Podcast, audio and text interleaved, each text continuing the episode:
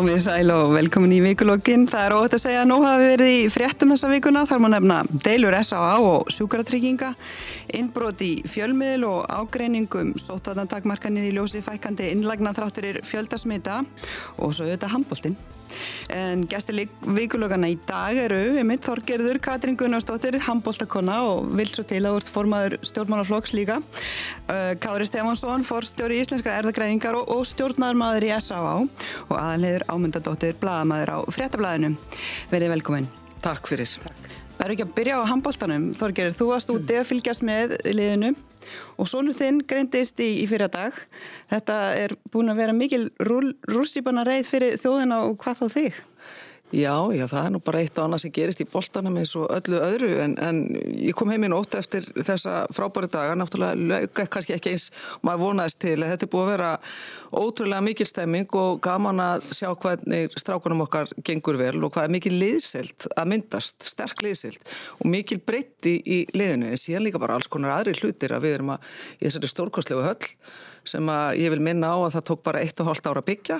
Eh, þeir byggðu tvær hallir fyrir þetta þannig að það ætti að vera auðveitlega hægt að koma upp höll fyrir korfuna og handbóltun og fleiri íþróttir á skömmum tíma en allavega það var bara þetta er mikil menningaborg, þetta er, það er vel haldið hlutina, utanum hlutina, þar til koma skipulagningur á mótunni og þar eru bæði EHF Evróska handbóltasambandið og ungverjar með allt niður sig, verður bara að segjast eins og, eins og er. HSI veit ég er búið að leggja margar miljónir í það að halda þeim í búbliðina. Þeir voru strax teknir annan janúar og voru í búblu einni hæð á hóteli hér og passa mjög vel upp á það. Engin aðrir væri að koma. Svo koma þær út og þá eru almenningjastir, þeir eru með uh, öðru fólki, þeir eru með öðrum í, í morgumatt, ekki að þeir gera það ekki alla jafna, en í búblu eiga þeir að vera. Og ungverjar og EHF gátt ekki staði þá staðist undir þeirra ábyrg, nýja skildu, þannig að þeir heyri það, ég er bara öskrandi yfir svona opbáslega miklu sinnuleysi, þetta er sluggsáttur uh, og ekki síst er það sátt núna þegar við Íslendingar eftir að hafa hórst á Dani, Frakka, Króata líka, þá eigum við raunverulega möguleika þegar við erum með allt okkar lið. Þannig að þetta er fúsk hjá EOF og ungverjum en um leið var þetta náttúrulega einstök upplifun og eins og ég segi, veist, þetta er svo mikið tilfinningasport og það var ein manneski að spyrja mig þurfa þær alltaf bara að vera að knúsast svona að þið eru að knúsast mjög mikið eftir leiki ef þið takið ástriðina ef þið takið tilfinningarnar frá handbóltunum og frá íþróttum þá getum við bara uh, sleft þessu sko. En hefði HSI ekkert átt að bregðast við þegar þeir sáu hvernig aðbúnaðurinn var á hótelinu, þeir tölu um það strax um, um leið og þeir mættu út að uh, sótarnir þar væri ekki eins og uh, þú veist, við var að búast. Hefði þeir geta gert eitthvað? Já, ég held að þeir hafi lagt sig fram með, með alla þessa þætti og, og komið með mjög svona alvarlegar fúst bríningu á ungverjana og EHF en En það bara, það er einregli í dag og önnur á morgun verist vel að hjá, vera hjá, hjá, hjá þeim skipulegjandum. Er þið að fylgjast með handbóltanum? Auðvitað, auðvitað fylgjast með með og þetta er svona, ég er, held ég sé bara ekkit frábriðin öðrum meðlumum þjóðarinnar í því að, að hérna maður sveiplast bara á milli ára eftir því hvernig liðið er hverju senni, hvað erum að vera að, og það er ótrúlega skrítið hvað maður er fljótur einhvern veginn að detta inn í hérna, þú veist, inn í þetta þessa stemningu að það þarf bara einn leik kannski þá eru bara allir, öll þjóðin on board og allt orðið vittlust allt í hennu og svona þjóðutíðastemning og, og hérna, og svo kannski líður okkur ár svo kemur stórmót og menn veit ekki alveg hvað er að fara að gerast, þú veist, Guðjón Valur hættur eða einhver hættur og og hérna, og þetta fer svona rosa rólega á stað, svo kannski einhver einn leikur og það var öll þjóðinn góðan aftur. Þetta er, maður er svolítið svona mm. þetta er svona sveiblast bara með, með hérna liðinu hverju sinni, það er ótrúlega gaman búið að vera mitt núna, að maður er að kynnast ofsalega mikið að nýjum leikmennum og, og hérna enna læra nöfnin á þeim og allt þetta. Og hérna það er bara búið að vera mjög, mjög skemmtilegt. Mér finnst aldrei gaman að horfa á eða hlusta á þessa handbóltakonu sem er nú orðin móður í handbóltastráks verða að tala um þetta mikillir tilfinningu. En staðrendir er svo að þessi pest hún er búin að herja á allan heiminn. 300 miljón manns hafa síkst í fjöld, fjöldi sem hefur dáið er svona nokkuð einn sam og, fjöld, og fjöldi dana. Þetta er rúmlega 5 miljón manns. Þannig að þessi pest hefur farið víða og það má vel vera að ungverjar hafi til staði sína eiginlega vel í að halda auðvitað um þetta. En það má vel vera að hafi eitt staði sína vel í að halda auðvitað um þetta. Það er bara bísna erfitt á köplum. Sérstaklega með menn sem er að knúsa svona mikið eins og þú sagði að handbóttamennir verður að gera. Þannig að þeir verða kannski að bera pínulilla ábyrðað þessu sjálfur. En, en að því sögðu þá finnst mér alveg einstaklega gaman að, að fannst mér alveg einstaklega gaman að horfa upp á að, að þó að það væri búið að vinsa bestu mennina úr íslenska landsliðinu að það munnaði bara svona litlu mm. Mm. að þeir einu dani og það er í sjálfum sér stíldar hvers manns að vinna það sem er hægt. Alltaf, ef ég mætti bara östu, sko, ungverðar hafa nefnilega komið áður að skipulagningu á móti. U17 kallaði fókbalta fór til ungverðarlands á Európamót þeir voru settir í tíu daga búblu mátti engin heimsækja og bara spiluði keppna núlsmitt mm.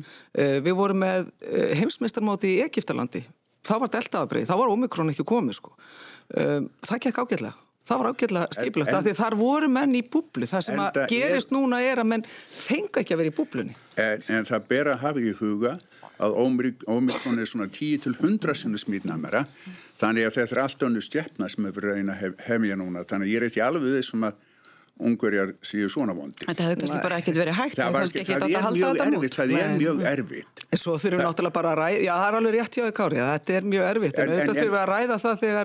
að sko maður tala við strákana, þeir eru allir full fríski sko. Já, það, það, ég, ég ætla að koma því það, það er allt annað mál sko. Nú erum við konum með allt annað, sko, Omikron veldur eftir COVID-19, mm. það veldur annars konar sjúkdómi. Mm. Þannig að það má vel vera að þessi strákar hefur getað spílat. Ekki spurning. Já. En það er annað mitt eins og, eins og það sem Kári sagði með, með þennan leikamóti dönnum sko um, og það er kannski það sem ég var að nefna á þann með samband íslensku þjóðarinnar við handbóltalandsliðið og handbóltalandslið undarfarn áratuga. Það er það er þetta þetta passion sem er í bara íslenska landsliðinu alveg sama hverjir það skipa á hverjum tíma að það er þessi karakter sko. Þessi, og þessi karakter í íslenska landsliðinu er þekktu sko. Hann er ekki bara, það er ekki bara okkar tilfinning heldur er hann alveg þekktu sko. Það er hérna, þú veist þeir geta tekið upp á að gera hið ómögulega sko. Mm. Og var þetta ekki með akkurat það sem við þurftum núna á smá handbólta? Þetta er ekki bara spurningum um samband íslenska þjóðar við, við landslegi handbólta, þetta er líka spurningum um samband íslenska þjóðar við danska þjóðar. Já, líka sjálfsög. en, en, en, en handbóltin er, er mjög stjæmtileg íþrótt að horfa á en hún ávið svolítið erfileika sem er að það geta ekki tvei strákar farið út í garð og spilað handbólta mm -hmm. menn það geta gert það við fókbólta og með þessu körfubólta en, en þegar þú er komið fullið út á völd það er búið gaman að horfa á þetta En að því að spjallir leytist svolítið út í, í COVID og Omikron þá er kannski aðeinlegt að halda áfram svolítið á þeim nótum. Þú talar um að þessi veira sem við erum núna glímið á Omikron afbreyði veldur ekki COVID-19 heldur allt öðrum sjúkdómi. Er við þá einhvern villugötum með þær sótvarnarástafanir sem er í gildi núna? Nei, við erum ekki neinum villugötum. Við höfum verið að greina uh, um 50 manns á dag með delta afbreyði Það er sér þó svo að, að ómikronabriði sé ráðand í dag hjá okkur og sé svona 90-95% af þeim sem sítjast, þá erum við að greina yfir þúsunda dag. Og af þeim er í kringum 50 með deltaabriði sem er mjög yllvíkt og ég held að, ég held að, að við höfum verið að feta svona milliveg sem er nokkuð stínsamur og Ég held að við höfum verið mjög heppin með það hvernig, hvernig við höfum handlað þetta fram, fram til dagsins í dag. En þetta er að breytast og gognin sín okkur og við, við höfum fulla ástæðu til að endur stípulegja þetta og ég er þið ekkert hissa á því að innan skamstíma þá er þið hægt að, að nota sóttkví og einangrun eða mist úr til nota mjög lítið.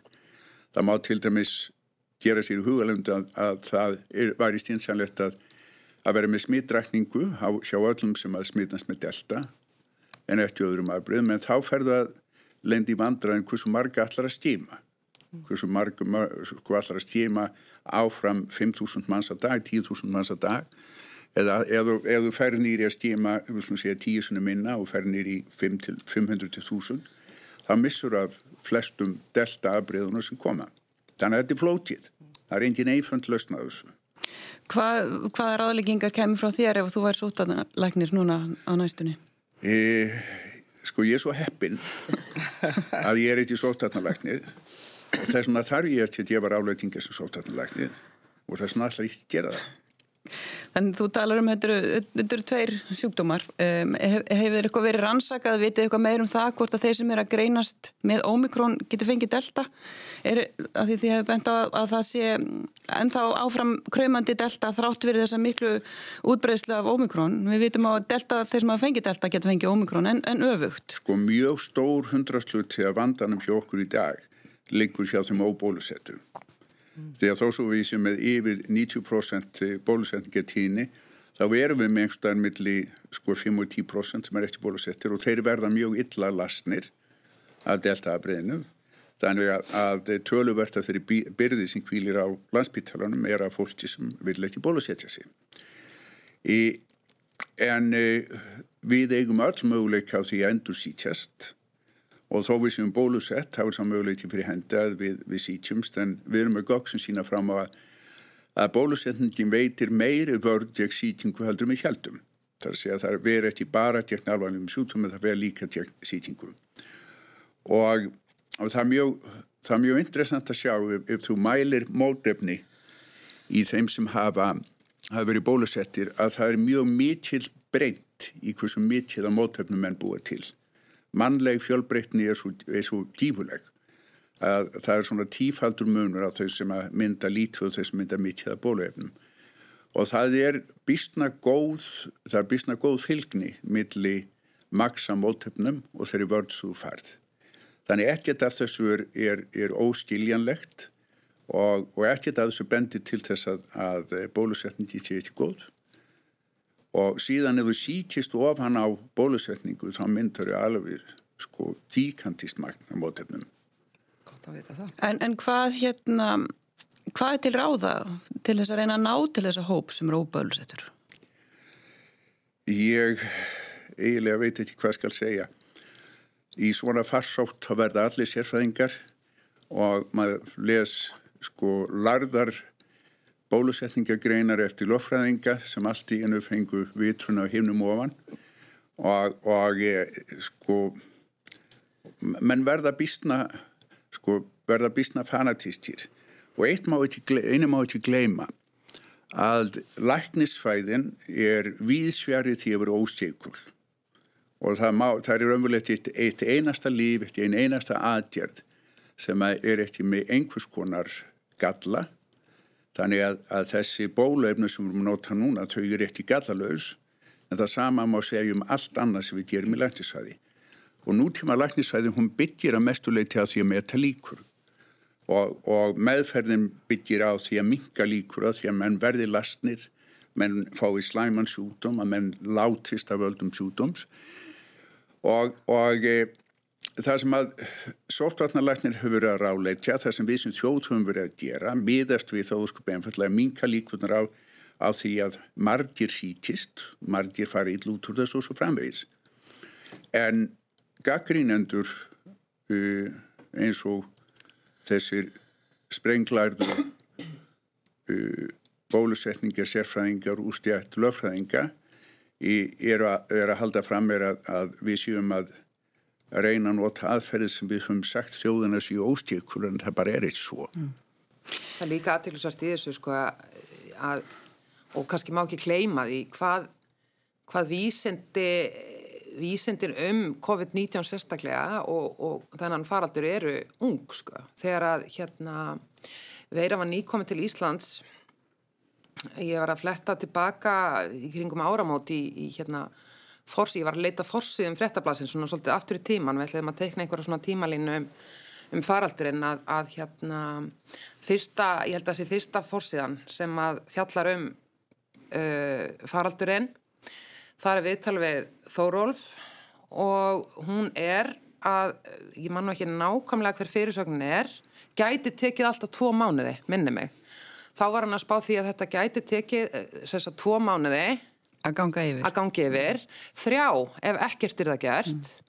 Mm. Um, og síðan, síðan er hérna, síðan læra menn uh, og, og fræðast. Ég man í upphæfið muni þá, þá voru menn hérna uh, ekkert svo vissir um að grímur myndu gera nokkuð gagn og í sótarnar eða veld hér á landi. Síðar kom í ljós bara þegar menn skoðu hjá, hjá hérna, öðrum löndum að, að hérna, þær væri að, að lækka smittölur og, og hérna og tókuðu upp hér. Þannig að menn er að læra þetta smám saman.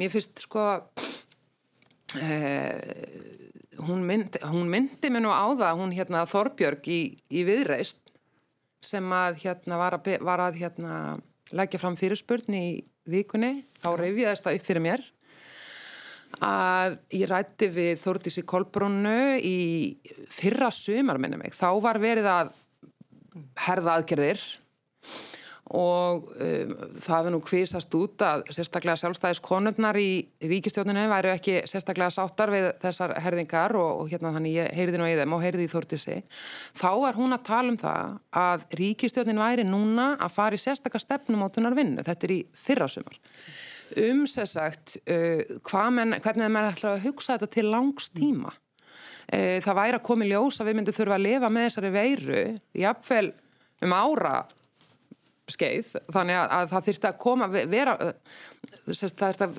búa til eitthvað plan mm. hvort það ætti bara frelsiskerða þjóðina hérna, til langstíma eða hvort, og hvernig mann alltaf að fara að því sko. Þetta tæki kannski tvær vikur. Síðan hefur ekkert heyrst um það, ekki neitt. Mm. þannig það var, það var ágættis áminning. Uh, en hins vegar þá svo, svo bara heldur faraldurinn áfram og menn er alltaf að hugsa um að, að hérna, og aðgernar gang út á að, að hérna, uh, venda heilbreyðiskerfið þá verður man, manni aftur hugsa til uh, átaksins sem að Kára Stefansson nefnitt hóf um endurreist heilbreyðiskerfisins og kannski eru við ekki náðu duglega að spyrja þeim meginn frá. Og veist, nú erum við búin að vera bráðum tvö ára að lifa með þessari veiru. Er eitthvað sem að Eh, er hægt að gera til þess að auka eh, getu landsbyttalans til að taka stáðu þetta? Er það, þú veist, eru við ekki kannski að horfa næla mikið á þann enda en erum alltaf að horfa á fórnir samfélagsins sko en, en þú veist, ég maður velti því fyrir sér. Má ég aðeins benda af svolítið að sko Það hafa verið alls konar átök bæði innan ríkistjórnar og annar staðar út af þeim aðgerðum sem hafa verið teknar og þá er óskup eðlilegt.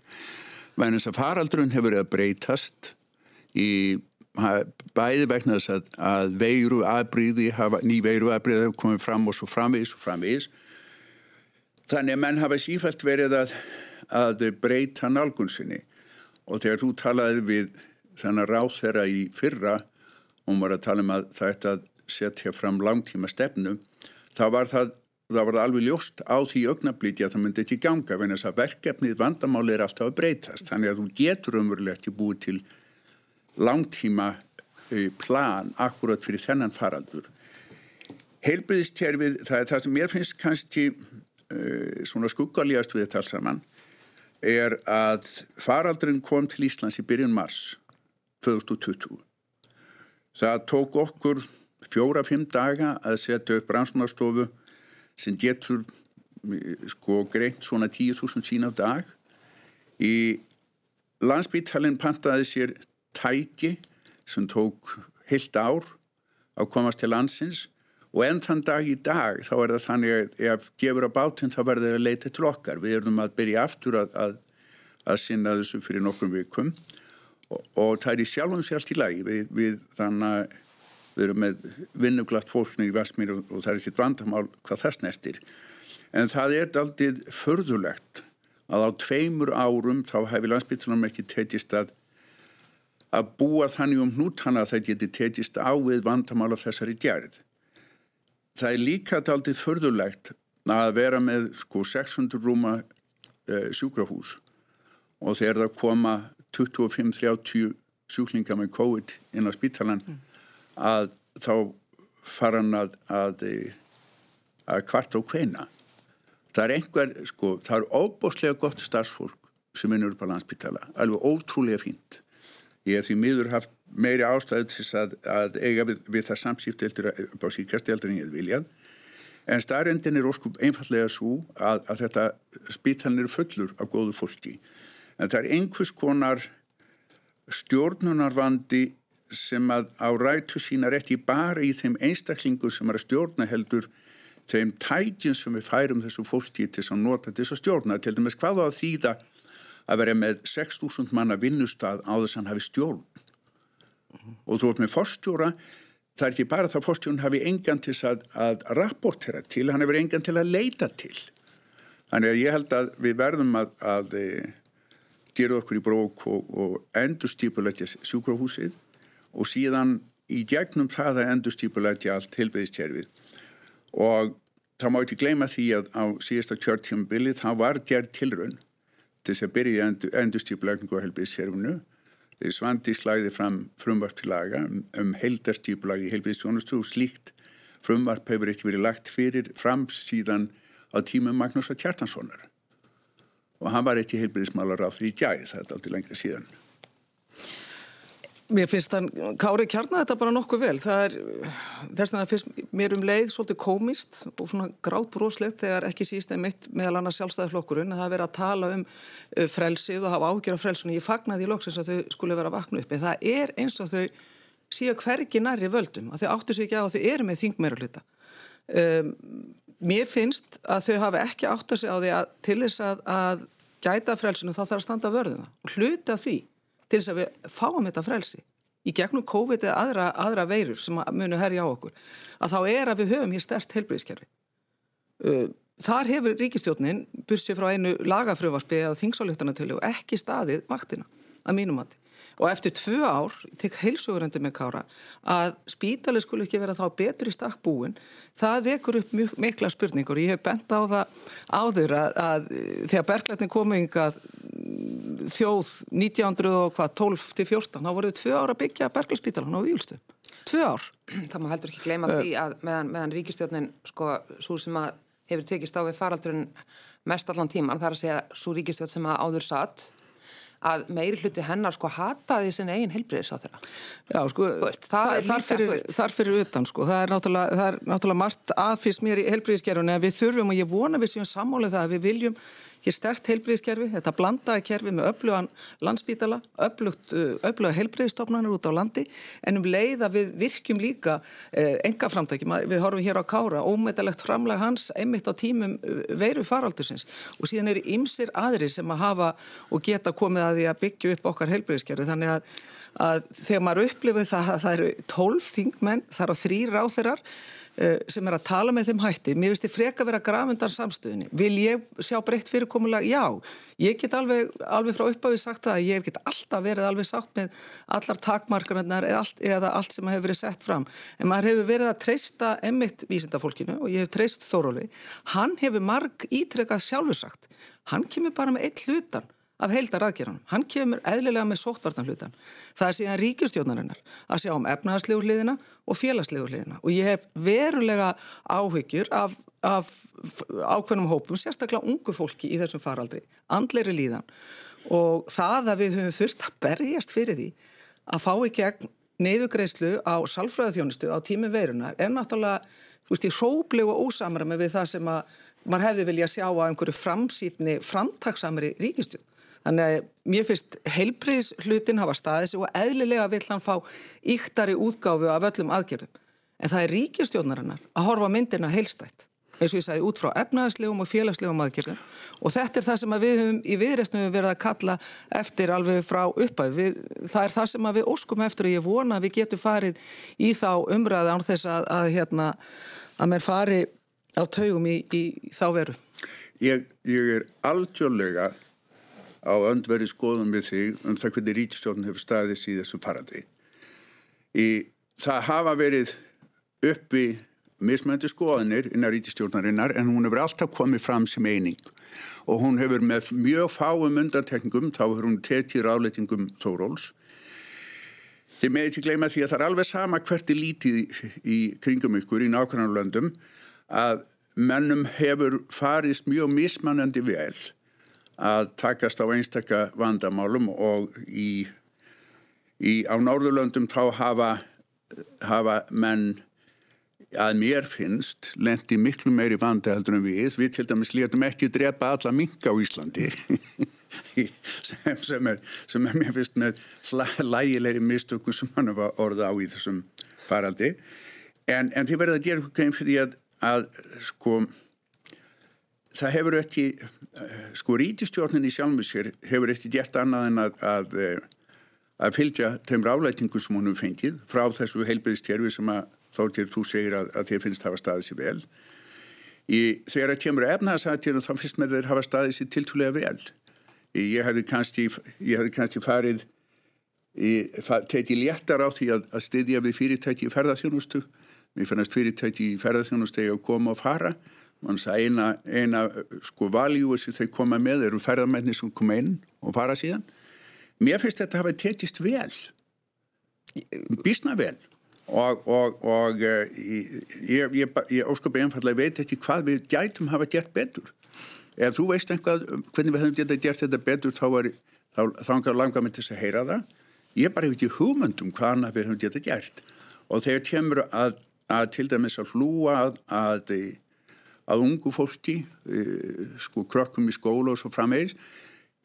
Það var það lögðu sér allir fram við að halda skólanum opnum. Verðan þess í skólum þá læri menn ekki bara einhverja námskreinar, heldur læra þeir um umgangast hvort annað. Og það er mjög mikilvægt að börn komist í skóla. Og við heldum okkur skólum opnum lengur meira heldur en, en nokkur annur þjóð í, í kringum okkur. Þannig að mér finnst það að tekist vel. Og, og eh, ég er í satt að segja þá er ég þá áttum ég áttum ekki almeinlega á því hvernig því komist að þeirri nýðustuð að, að, að mennina rítistjórnar hafi hatað heilbíðismálur á þeirra. Sko... Þú varst ekki að kostningafundum með okkur og sjálfstæðslega kári. Það, það er eins og þú segir, sko, ég er á einu svið, þú ert á öðru svið og ég vil líka segja þá takk undir það. Ég held að það sé ég... alveg mjög mikilvægt að skólanir verði opnir og hafi verið opnir. Ég held að það sé algjört líkilatrið fyrir okkur til þess að að láta þetta fungera allt saman. En þegar ég segi að ríkistjóðan hafi ekki staðið sig, að því það er ekki, hún hefur staðið sig þegar það kemur að sóttátumálunum og að heilbreyðsmálunum og að fylgja þórufli og það má alveg gaggrína það í dag hvort að við eigum að, að vera með svona strángar og mikla takmarkanir. Gott og vel, það er bara, það er ráleggingar sem að ríkistjóðni fær. En við erum að upplifa það uh, að efnaðarsaðgerðina þar koma sent, þar koma illa það er lítill fyrir sig ánleiki, það er löngu búið að vera að kalla eftir því við vissum alveg að við værum að fara inn í þetta tímabil núna. Það hefur ekki verið, því hefur ekki verið, verið sint og fólk kannski svolítið fjari.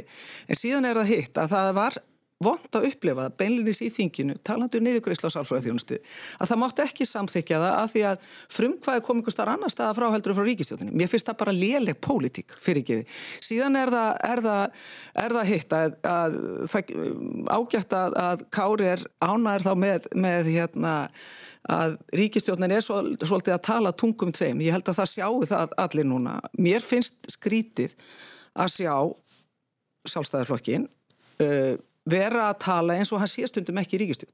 Þeir eru með fimm ráþöra og stundum er eins og þeir veit ekki sjálfur að hafi ráþöra að nynni. Um, Annarkvæmst er þetta prinsipmál og menn berja svolítið upp árið og berjast fyrir því að það verði tilslaganir og það er verið að kalla eftir tilslökunum út í samfélaginu. Við, þú veist, við vorum að tala um hann. Þeir eru allir full frískir. Ég fekk þetta sjálf. Við erum öll full, full frísk. En við þurfum að gera þetta sem að Kári var að segja. Við þurfum að taka til til deltaafpriðsins. Og þá býðum við eftir þeim ráleggingum. En guðuna bænu verið tilbúin þá með einhverja aðgerðir. Þegar það verið að kynna sóttvarnar aðgerðir uh, annað borð, þá verða efnaðasaðgerðir að vera tilbúnar líka. Þetta, bara, þetta skiptir miklu máli og ekki bara fyrir ferðarþjónustunum. Að, að allt í samfélaginu sem við erum að upplifa í listum, menningu, íþróttum. Um, þetta eru lítil fyrirtæki, veitingageirunum, menningargeirunum sem að þurfa á þessum stöningu og skýru fyrirmælum að halda. Og eftir tvö ár þá hefði ég haldið að við værum með einhverja sviðsmyndir efnaðarslega og félagslega.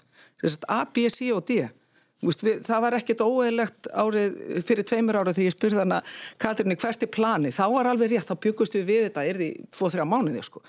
en það er ekkert plan komið ennþá engi svisminn, þó að veira sé breytanleg, þá er efnaðasmálinn líka með skýrum hætti þau, það þarf að taka þau með miklu betra hætti. Þetta þetta er þannig að það er svolítið erfitt að verið allt í hennu settir í, í þá stöðu sem gammal sósilisti að þurfa að verja sjálfstæðisflokkin í, í svona umræðum. En sko það er, ég lít svo á að það sé kostur á stjórnmálaflokki að menn innan hans geti tjáð marga skoðanir. Ég held í fram að það sé einn aðal vandi í íslenska stjórnmála sem og stjórnmála við annars þar að stjórnmálaflokkarnir þeir handjafna fólk og það tjáir eina skoðun. Það er líka en það er, ég er aldjúlega sammála, eh, ég er aldjúlega sammála þá til kattunni tíu að það er vond hvernig, hvernig eh, meiri hluti á þingi kemur í vekk fyrir að stjórnaranstæða getur komið fram með góða tillögur.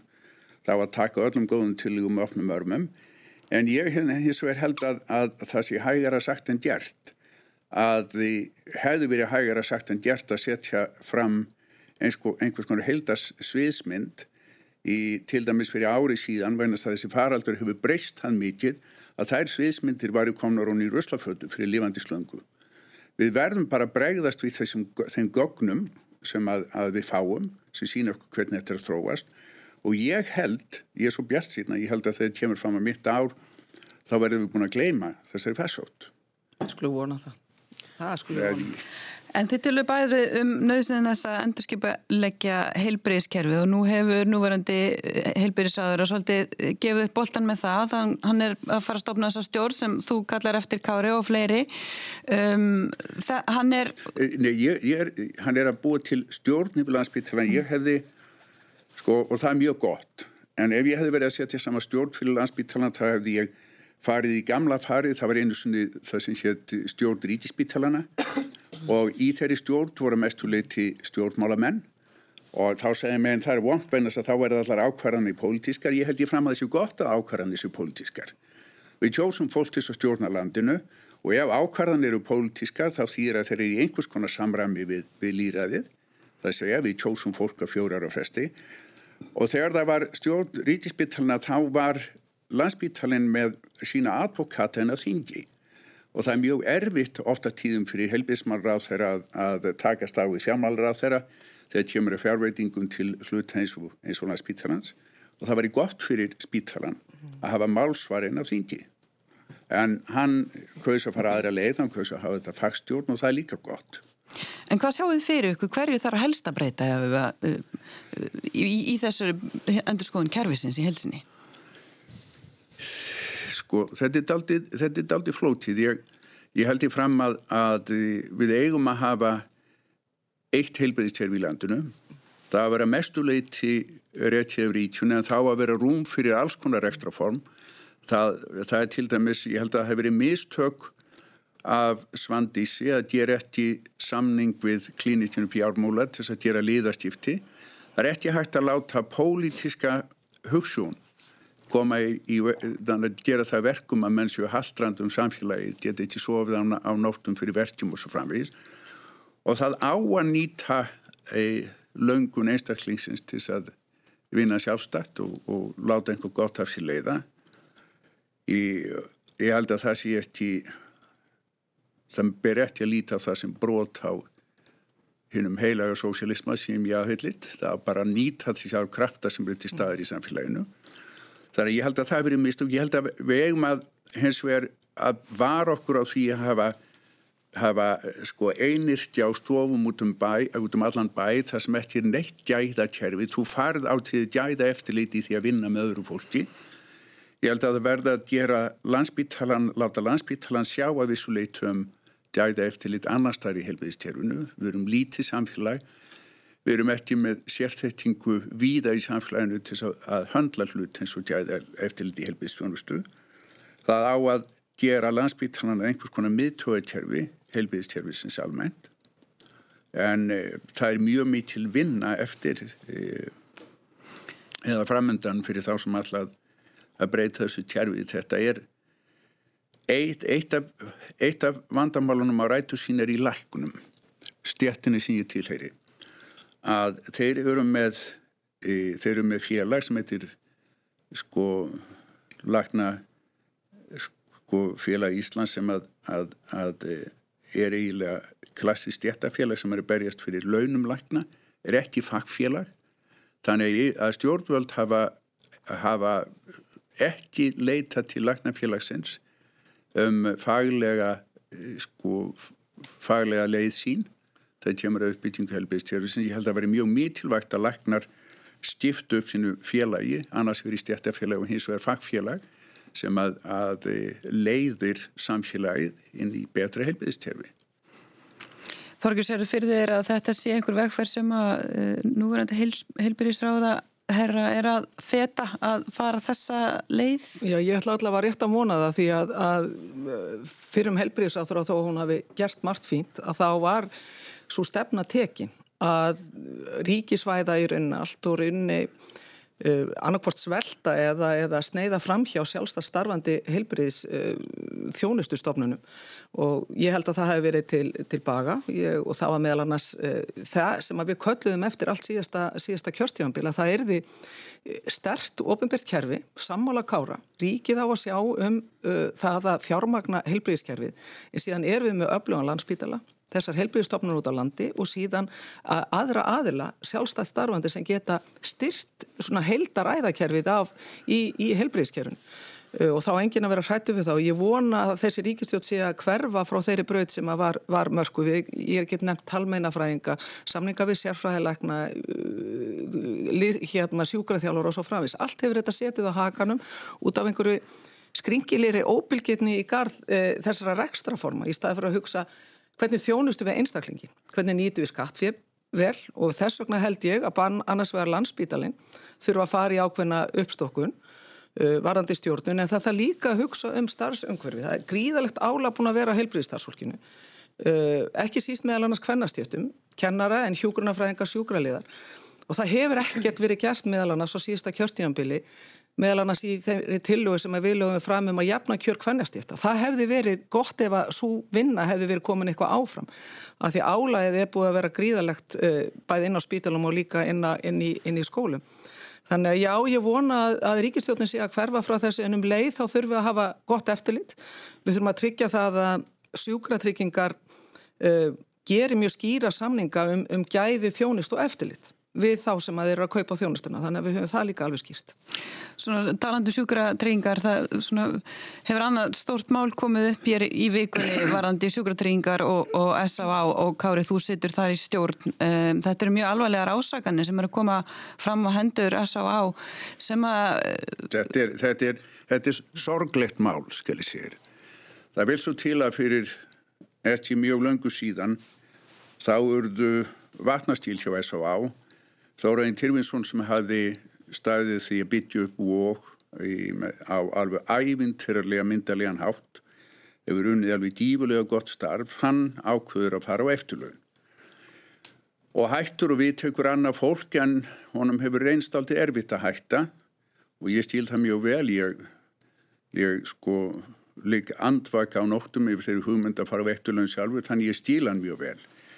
En hann hefur ekki left hefur, hefur haft erfitt með að lifa því fólki sem eru stjórna þess að á núna að gera það í fríði og eitt af því sem að fólki kringmann hefur gert er að vera með heldur leiðilegt umtal um núverandi stjórnættur og síðan gerist eftirfærandi að í, í uh, farsóttinni þegar hún stjálfur á þá getur á eftir sint í, í göngudelda þjónustu eins og hún hefur gert áður bara út af sótturnum og þeir byrja að sinna sjúklingum í gegnum uh, tölfur og svo framvegis sem er eftir gert ráð fyrir í þjónustu samningi millir uh, sjúkratýtinga og, og uh, S.A.A.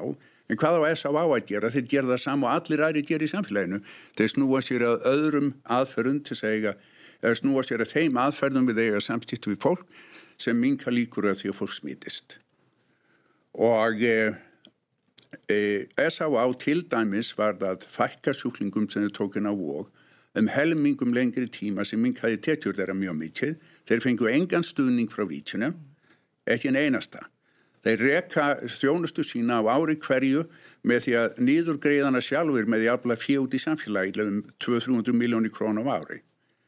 Og núna þegar þeir lenda í þeim vanda sem fylgir farsóttinni, þá eru þau ásökuðum glæp sem ég finnst alveg ótrúlega dapulegt. Þetta er eina, þetta er eina stopnunum í samfélaginu sem sinnir þeim sjútómi sem er banvænastur hjá fólki millir 15 ára og færtus og, og aðferðin til að takast á það er sjálfsagt fyrir óreiða hjá þeim eins og mörgum öðrum þegar kemur að því að, að setja saman reikningi og bókfæra breyta þjónustu sem er sjálfum sér ekkert óæðileg.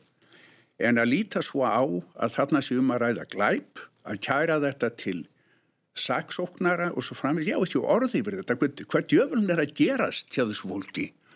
En hvernig tengir þú Þórarinn Tyrfingsson við, við sjúkartringar Íslands? Af því þetta er, þetta er ríkistofnun, þetta er eftirlitstofnun. Ari, Ari Matjasson sem er yfir eftirlitstild eh, sjúkartringa Íslands var framkvæmdastjóri S.A.A. þegar Þórarinn var að rekka þetta eftir að þetta hangi saman og ég er ekki að ásaka Ara í sjálfum sér og eða ég er ekki að ásaka Þórarinn í sér, ég er bara að segja að, að einhverja hluta vegna þá myndaðist leiðenda andrúsloft milli, milli tvettja hópa mjög góðu fólki right? og það hefur leitt til þessari vittlis og ég stíl ekki hvernig stendur á því að, að ríkistofnuna þessari gerð lætu draga sig inn í svona vittlis Og þannig að þú vilt meina eins og, og uh, fyrirsvarsmenn S.A.A. hafa gert undarfæri að það sé algjörlega tilhöfuleysar uh, ásakanir sem þarna koma fram. En hvernig stendur á því að allir lögfræðingar og fórstjóri þessara ríkistofnanar og eftirlitstofnanar skuli uh, leggja þetta fram með þessum hætti?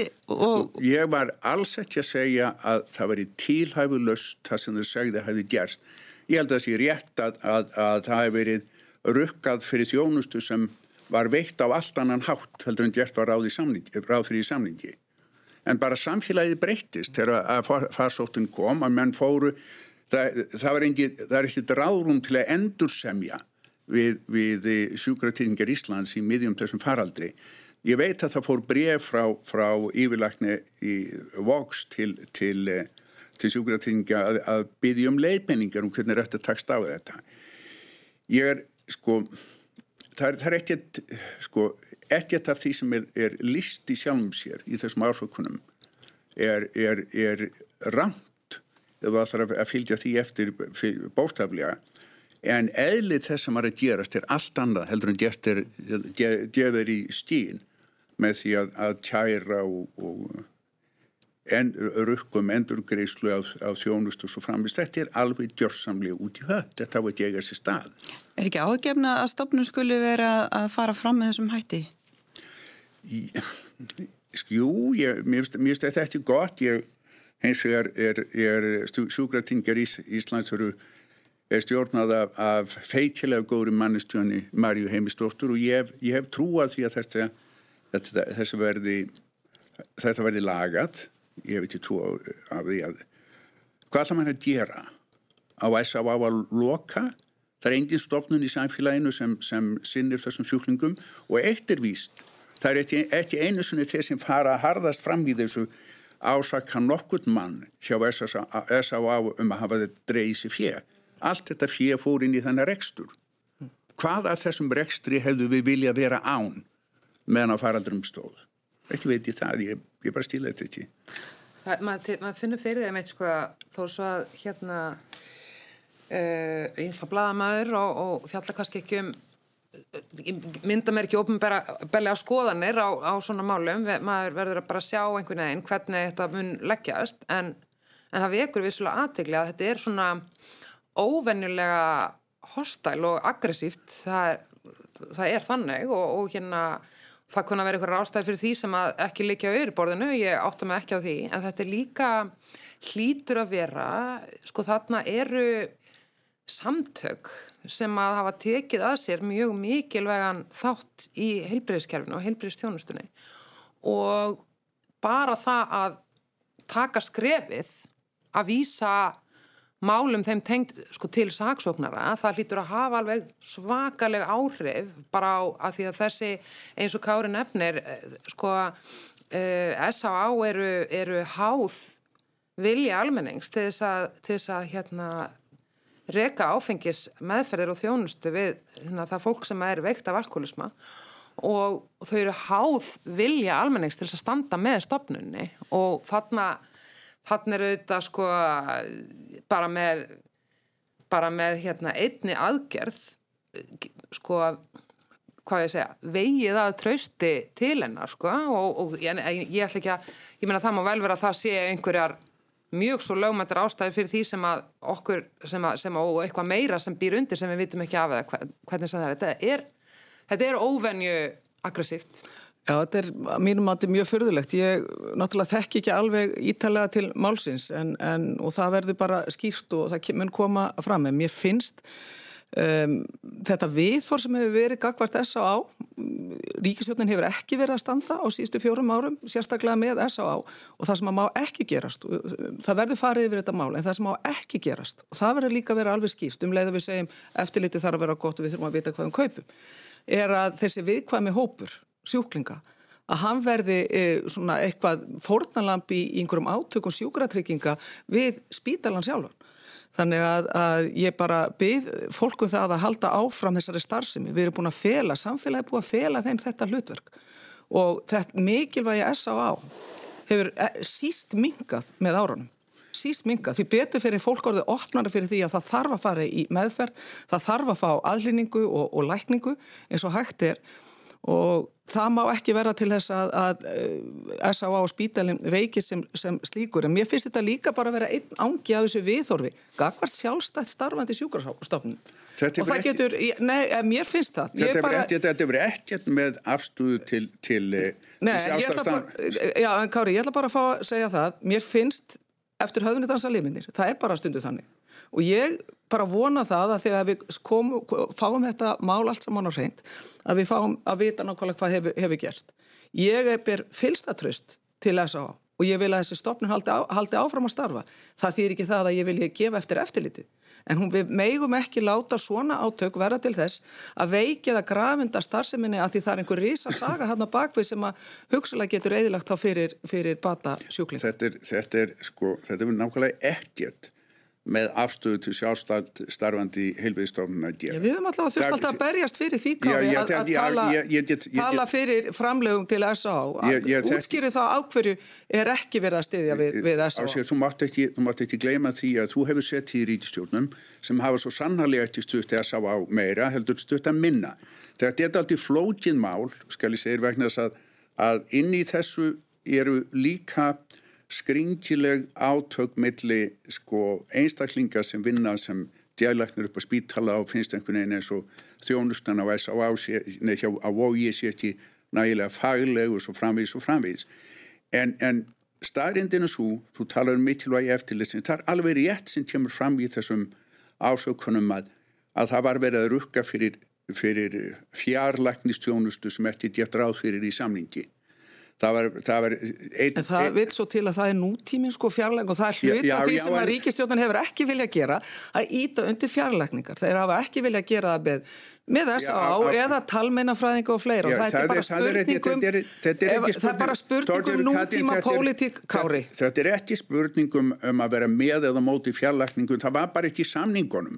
Og samningarnir eru ekki gerðir millir rítstjórnarinnar og SSA það eru, gerðan millir sjúkraftettingi Íslands og SSA það þarf alltaf pólitíska vilja í, það er nægilegur pólitísku vilji til að hafa fjarlækning það er ekki spurningum það þetta er þannig og ég held, held í fram að við endum á því að vera með miklu, miklu meiri fjarlækningar um leið og við erum búin að gera landsbítalana nokkus konar miðtjóðtjærfi fyrir allt helbistjærfi. En þessi deila, þessar ásakanir, sko, þær eru gjörsamlega rángar í eðlisin en smáatrinn eru rétt. Í þessari, þessari farsótt þá, þá e, fóst S.A.A. ekki vel úr hendi að að rukka fyrir þjónustu sem að var ekki í samræmi við, við samning sem á búið gera og svo framvegis en allt sem var gert af, af þessi peninga voru ekki settir í neitt annað en að sinna sjúklingum eða umbyðundum eða, eða sagt, stjólstæðingum á og gera þetta glæpa mann ég bara stílist þetta fólk mm. ég þannig að Það er bara að passa upp á sjúklingana. Ég vona að kerfi passa upp á sinni deilu upp á sjúklingana. Já, ég samvala er, en, en, en líka sko, í þessu þessi, all þessi deila er að það er hópur þarna sem einu sinni stjórna þess á á sem er að berja í borðu og sagði þau kunna ekki að stjórna þessu við erum þeim einu sem getum það sem er einhver staðan millið þess að vera hlægilegt og gráðlegt mm. En ég ætl ekki að sleppa þér kári á rauninni næri rukkaði um, um hverju staðin í mótefna rannsóknin sem að e, Íslensk erðagreining er með í gangi fólk býður eftir niðurstöðum, hvernig megum við vanta þess er eitthvað frétta þaðan? Í fyrsta lagi þá hefur ekkert umbúið til þess að rukka mig lætt korti fyrir fjár þjónustunni nær þjónustu. E, e, við erum í miðri þessari rannsók og erum að grafa ofn í gögnin, erum að, að, e, erum að sjá pínulítil svona merkjum eða vísbendingur um það hversu víða veran hefur farið en þess ber að geta að, að það sem við erum að skoða núna er einum fjórum vikum á eftir því sem er, er í dag. Og það er mikið breyst á þessum fjórum vikum? Í geysilega mikið. Það, við höfum verið að greina yfir þúsund manns á dag í þessa 14 daga. Þannig að, að ég rekna með því að það er tölur sem við höfum til að deila með samfélaginu á mánudaginn að það er endur spekli ekki það ástand sem er í dag. En við hins vegar allum að, að fylgja þessu eftir með annari rannsótt fjórum vikum síðar og það verður miklu að ég held miklu mertilegri niðurstöð sem kom út úr því. En síðan hefur ímislega gert síðan við byrjuðum að plana þessa rannsókn og eitt af því sem hefur gert er að það komi í ljós að, að þessi sjúkdómar af völdum Omikron er miklu mildar en við heldum og ég held að við séum komið mjög nálagt í að vera í aðstöðu til að segja nú skulum bara breyta um aldjúlega. Nú skulum við hætta að nota einangrun og sótt kví og láta þetta gangi yfir okkur eins og fyrir að flensu. Ég bara hvað láti gott að vita segja nú bara ef að það verður. Við þurfum að bara, maður segja sína persónulega skoðun, hún er ekki fræðileg, ég ætla bara sem einstaklingur í þessu landi. Mér finnst komið tími til að við tökum þessi skref til þess að losum og nýtu þar áttalega vísindin og grunngögni til þess. En en um, það er svolítið þannig að þegar búið að setja á höft uh, bara, við skulum fara í annað sko, gjaldirisöftin 2008 sem við vorum sett það var bara sagt eftir 2009 nokkur ár, þau voru ekki losið fyrir 2017, vel að merkja þegar viðrist var tíma ánaða stjórninni. En tekur, þau átti bara að vera í 2-3 ár. Og það er hægt við því að þegar verið að setja höft á hverskinsferelsi að þau var í lengur heldur en, heldur en menn ætliði og þess vegna þarf að brín okkur öll þessu umræða bæði inn á stjórnmálana en líka inn á helbriðstjættana og í, út í atvinnulínu, hún er mikilvæg og við þurfum að fara lengra með hana og það þarf að þóra að taka ákvarðanir. Það þýðir ekki bara að mjálma eitthvað til hliðar og tala um mikilvægi frelsisins, af því það er mikilvægt. Við verðum að tala um það og við verðum að berjast fyrir því og spyrja okkur af hverju þurfa höftin að vera áfram ef að gögn er að benda til þess að það sé verið að gæti hugsalega verið að opnast meira samfélagi. Þannig að þeir sem að halda um valdarsbrótuna og eru með þingmeiruleta hverju sinni, þeir eiga að fara að tala um þetta og beita sér fyrir þinginu og vel á merkja öll umræði þinginu hefur ekki komið að frumkvæði ríkisjónarinnar heldur hún hefur hún meðal annars að hálfu viðrist við hefum beðum skýslu heilbriðisáþurra reglu það var mjög mikilvægt. En núna viljum við líka að fjármálaráþurra komi og tala um efnaðarslegar afleiðingar og mikið aðgerðar uh, á þessum tíma uh, faraldus þannig að Þe... það er margt í mörgu það er margt í pólitíki, margt í heilbriðismálunum en pólitíkin verður líka að, að funka á svona tíma. Þordir, þetta, þetta er eina af ástofnum fyrir því að það er mjög erfitt fyrir okkur almóðan að taka marka af ykkur stjórnmálumannum. Það er, hefur engin tilnefing verið til þess að við halda að hafa, hafa, hafa höft á Íslandi út af þessum faraldri umfram það sem að, að helbriði sér í völd, það sem að sóttarnalæknir hefur kallað eftir. Rítistjórnum hefur meira sig að verið tiltölu að lagt að tölurverðum þunga gegn tillegum sóttarnalæknir sem að miðast við auka þessu höft. Þannig að, að ræslan við það að að höftáf eða, eða takmakkanir og frelsi fólk sem á rætu sínir þessum faraldri komið til með endast er bara út í höfn Já, ég, er er allavega á því að við hefum að ræða þetta og við hefum ekki að vera hrætt við það þegar svona miklir menn með, með mikið orðaflaum og orðfæri eins og magnaðir eins og kári er við meðum ekki vera hrætt við það að fara í þessa umræð og ræðum þetta þó við verðum skömmið fyrir það. Við, ein... Ég vil fá gætnan að fá að ræða svo... um mikilvægi frelsisins án þess að það sé, sé pakkað inn í einhvern pakka og gerður að einhverjum auðmikjað kári. Það er bara ekki þannig. Það hefur engin verið að, það engin verið að berjast á móti frelsi. Það hefur verið að reyna við erum að tala um farsótt sem hefur drepið 5,5 miljón manns Já. í heiminum, hefur, hefur, hefur síkt sko, 300 miljón manns og svo framvegis. Það hefur engin verið að reyna að gera neitt annað en að takast á þetta. Hitt sem að mér finnst interessant og þú er í minnst á mm. í vegna þess að stjórnmálumenn hafa tilningu til að sjá eitt jáðaladrin er að, að ríkistjórnin í ríkistjórninni bæði fyrirverandi og núverendi hefur mistekist eitt eða hefur ekki gert eitt sem ég held að hún hefði átt að gera og hefði verið mjög mikilvægt og það er að gefa stjórnaraðstöðunni sæti við borðið þegar verið að taka ákvarðanir um, um, um höft og svo framvegis. Ég held að séu meiri háttar mistök þegar við lendum í, í, í farsótt sem gerir það verkum að við, við verðum að stjærða frelsi fólks hann mjög miklu, mjög miklu marki að, að hafa ekki til þess kjark að veita stjórnaranstöðunni sæti við borðið það finnst mér meira hægt að mistu. Já, ég get alveg tekið undir það að einhverju leita að fara að svipaði leið og Dani sem er með svona rákjáðandi nefndi í, þinginu en, en megimáli er að, að mér, okkur þótti mikilvægt alveg vorum eindregin í því í viðreist að bara stjórnaranstæðan framan af að sína samstuð. Við vorum ekki, við vorum ákveðna skoðunar á ákveðna hluti með ákveði ljósi samstuðuna því samstæðan er svo dýrmætt tæki í baróttu við faraldur og ég held einmitt að, að þar höfum við staðið okkur vel.